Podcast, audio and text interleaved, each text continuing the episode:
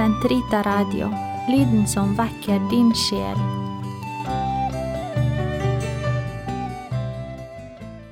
Kroppens teologi, en kommentar til pave Johannes Paul 2.s onsdagskatekeser av Eirik Ambrosius Stenhoff.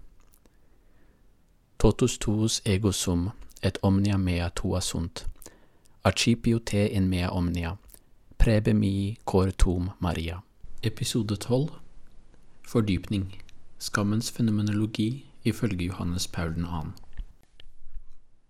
Del 1 Skam i onsdagskatekesene og kjærlighet og ansvar. I denne fordypningsepisoden skal vi se på hvordan begrepet skam, som er en så viktig del av vår erfaring av den falne verden, forstås av Johannes Paul 2.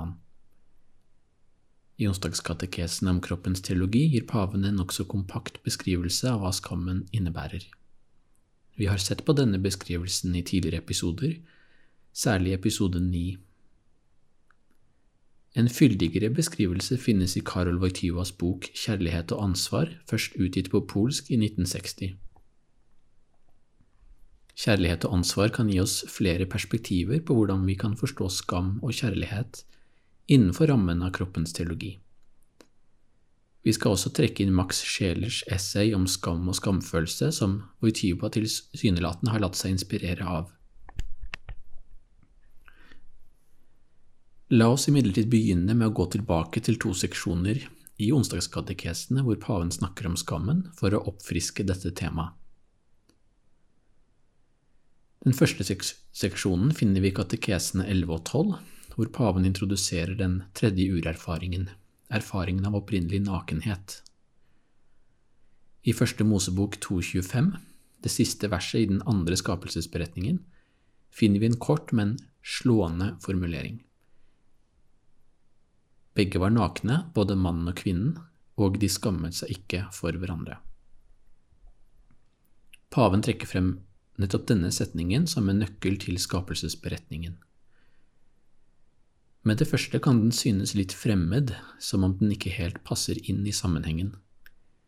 Men ifølge paven lar den oss oppdage en tredje vesentlig erfaring hos det første mennesket, den opprinnelige nakenhet. Denne nakenheten er en nakenhet som erfares uten skam. Som paven stadig sier, og også her, må en autentisk kroppens teologi inneholde en analyse av den personlige og subjektive dimensjonen, nettopp fordi det er sånn vi erfarer vår kroppslighet. Vi ser hvordan setningen om nakenhet uten skam sier en hel del om kroppen, uten å nevne kroppen med et ord.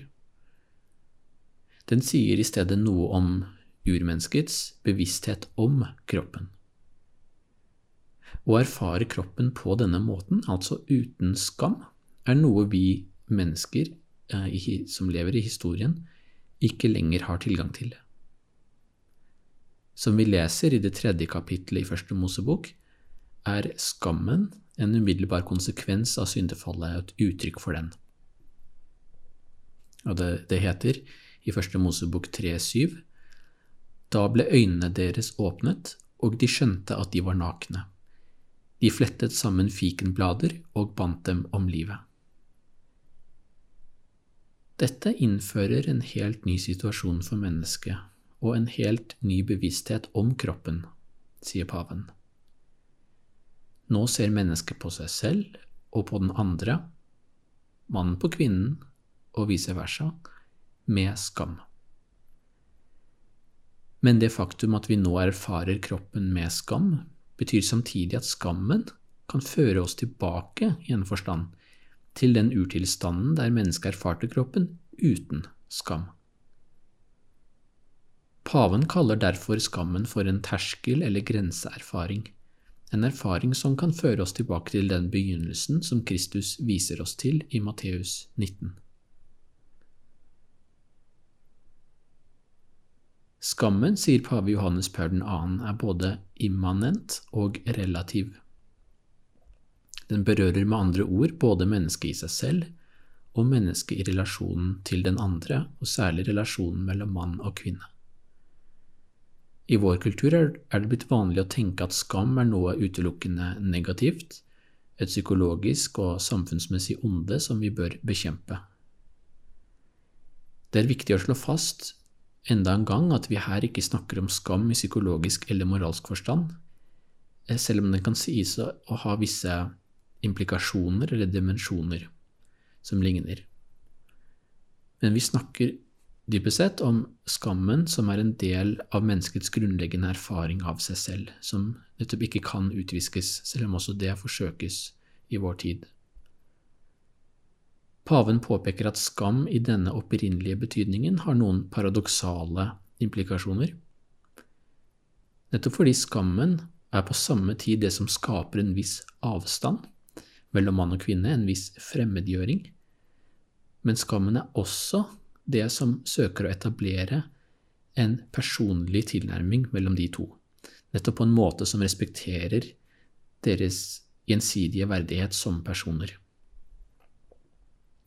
Og Derfor sier paven at skammen eh, må være en grunnleggende del av den etos som vi er kalt til å skape i en fallen verden. Og dette er igjen grunnen til at paven kaller skammen for en terskelerfaring, fordi skammen åpner oss for den plan Gud hadde for oss i begynnelsen. Men samtidig er skammen avgjort en konsekvens av syndefallet som stadig truer med å føre oss bort fra Gud og fra hverandre, og syndefallsberetningen gir et sterkt uttrykk for dette.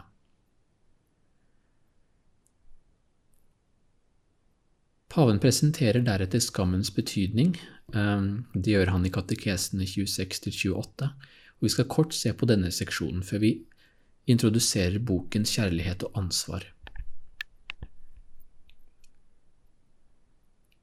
Og i katekesene 26-28 er konteksten syndefallsberetningen, og ikke lenger eh, skapelsesberetningen. Paven er her opptatt av å vise at skammen er den første kilden til det som ikke kommer fra Faderen, men fra verden, som det heter hos, uh, i 1. Johannes brev. Skammen er altså en konsekvens av, og samtidig et symptom på, syndefallet og den ryster Adam og Eva til grunnvollene. Vi kan se av beretningen at de ikke bare frykter hverandre, men Gud selv. De løp og gjemte seg i hagen bort fra Guds nærvær, leser vi. Denne gudsfrykten er noe som tidligere ikke var til stede i den opprinnelige harmonien. Paven kommenterer at det står citat, noe dypere på spill her enn bare kroppslig skam knyttet til den nye bevisstheten om å være naken. Mennesket søker også å tildekke den sanne kilden til frykten ved å peke på virkningen i stedet for å navngi årsaken. Sitat slutt. Og i, eh, i beretningen så har Adam altså pekt på nakenheten. Jeg var redd fordi jeg er naken, sier han. Men den egentlige årsaken til frykten går dypere og er så å si enda mer skamfull. Og den egentlige årsaken var bruddet med Guds pakt, med befalingen om ikke å spise av treet, som igjen var et tegn på Guds, uh, Guds gave, gaverelasjonen til mennesket. Så der den opprinnelige nakenheten altså hadde vært et synlig tegn på pakt mellom Gud og menneske og harmonien menneskene imellom, fremstår disse relasjonene nå som endret og de er mindre sikre enn tidligere. Mennesket uttrykker seg selv ikke lenger som en ren gave, men er i en forstand blitt ugjennomsiktig for seg selv. Paven kaller, som tidligere nevnt, skammen for både immanent og relativ. Sitat Den manifesterer seg i menneskets indre, og på samme tid viser den til den andre. Sitat slutt. Som vi skal se i det følgende, gir paven en viss prioritet til den immanente skammen, altså den som oppstår i menneskets indre. Selv om paven ikke sier det eksplisitt, eh, ligner dette på relasjonen mellom den opprinnelige ensomheten og den opprinnelige foreningen. For opprinnelig ensomhet er ontologisk primær fordi vi først og fremst er skapt som personer. Samtidig er vi skapt av og for et communio personarum, et fellesskap av personer. som i menneskelivet realiseres i den ekteskapelige relasjonen mellom mann og kvinne. Og det er det begrepet opprinnelig forening er et uttrykk for. På samme måte er skammen først og fremst personlig og immanent. Den eksisterer i mennesket selv som en indre betingelse. Fordi den ifølge paven, sitat, avdekker en bestemt utfordring i å fornemme det som er vesentlig menneskelig ved ens egen kropp. Sitat slutt.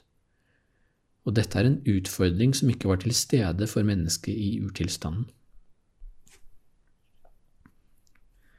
Som analysen av hjertet, eh, med bakgrunn i bergprekenen, viser, er det syndige begjæret i mennesket noe som manifesteres i relasjoner men dypest sett nettopp fordi det først er en indre tilstand i mennesket selv, i menneskets hjerte. Derfor snakker Jesus om hjertet, og han taler til hjertet. Og den skammen som kan knyttes til kjønnsforskjellen, kaller paven for eh, seksuell skam. Men den stammer igjen først og fremst fra det han kaller en indre ubalanse i menneskets hjerte. Hjertet rommer nettopp både begjær og skam, og som vi så av pavens analyse av begjæret, eller concupiscentia, i de foregående episodene, er de to nært knyttet sammen. Både begjæret og skammen, kan vi si, har en, har en slags grunnleggende ambivalens ved seg, om på litt ulike måter. De er begge uttrykk for en indre, immanent tilstand ved mennesket, en måte å se seg selv og andre som um, fjernet fra Guds opprinnelige skaperplan. Og i så måte bevarer de noe av den opprinnelige positiviteten, kan vi si, ved menneskets urerfaring. Eh, men begjæret som kommer fra et urent hjerte, betyr at man nettopp ikke lenger ser skapningen eller verdien til den andre personen for hva den er.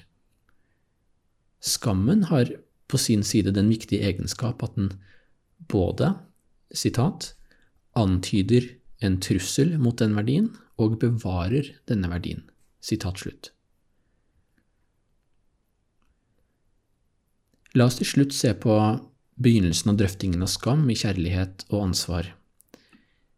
Og selv om denne boken ble først utgitt hele 20 år før disse onsdagskatekesene, er det en sterk kontinuitet mellom disse verkene. Vi kan begynne med et par metodologiske og formale merknader. Voityva er i kjærlighet og ansvar, eh, men også i onsdagskatekesene for så vidt, mest opptatt av seksuell skam, eh, siden ekteskapelig kjærlighet og seksualitet er tema for boken som helhet. Og Voityva baserer seg i langt mindre grad på den bibelske fortellingen i kjærlighet og ansvar. Han gjør i stedet bruk av filosofisk metode. Men det gjør samtidig at hans tilnærming komplementerer onsdagskatekesene på interessante måter, som vi skal se. Vi skal merke oss at Voityva bare nevner Max Schelers behandling av skam innledningsvis, uten å referere til et bestemt essay av Scheler. Oversetteren bemerker, eh, og vel med rette, at det dreier seg om essayet Über Scham und Schamgefühl om skam og skamfølelse av sjeler, som vi skal drøfte mer utførlig de neste to delene. Og det essayet skrev Scheler så tidlig som 1914. Wojtyła nevner også den polske fenomenologen Franciszek Sawicki. Og Wojtyłas kapittel om skam følger Schelers essay et, i stor grad, i hvert fall et stykke på vei, men trekker noe ulike konklusjoner og dette er basert på deres ulike tilnærming til etikken, som vi har sett i innledningen til denne kommentaren. Både Scheler og Wojtyva begynner med å påpeke at skam er noe som er særegent menneskelig, som ikke gjenfinnes i dyreriket. Nettopp derfor interessant å, å analysere som en menneskelig fenomen. Særlig sjeler legger vekt på dette, og han gir eksempler på det vi kan oppfatte som skam hos dyr, men som i realiteten er oppvisninger i underkastelse eller, eh, eller en del av paringsritualer, f.eks. Wojtyła slår fast at skam er noe annet enn frykt, altså en følelse av et onde som truer subjektet, eller truer personen. For frykten har ikke en indre dimensjon på samme måte som skammen, sier Voityva. Og jeg tror vi må skille dette fra det han sier om Guds frykt uh, i onsdagskatekesene. Den har nok også en indre dimensjon for Voityva. Men grunnen til at han skiller mellom frykt og skam her, er at noe av det mest karakteristiske ved skammen, nemlig behovet for å dekke seg til eller skjule seg, eh, kommer nettopp innenfra. Mens frykt, som en affektiv reaksjon, er en reaksjon på en trussel som kommer utenfra.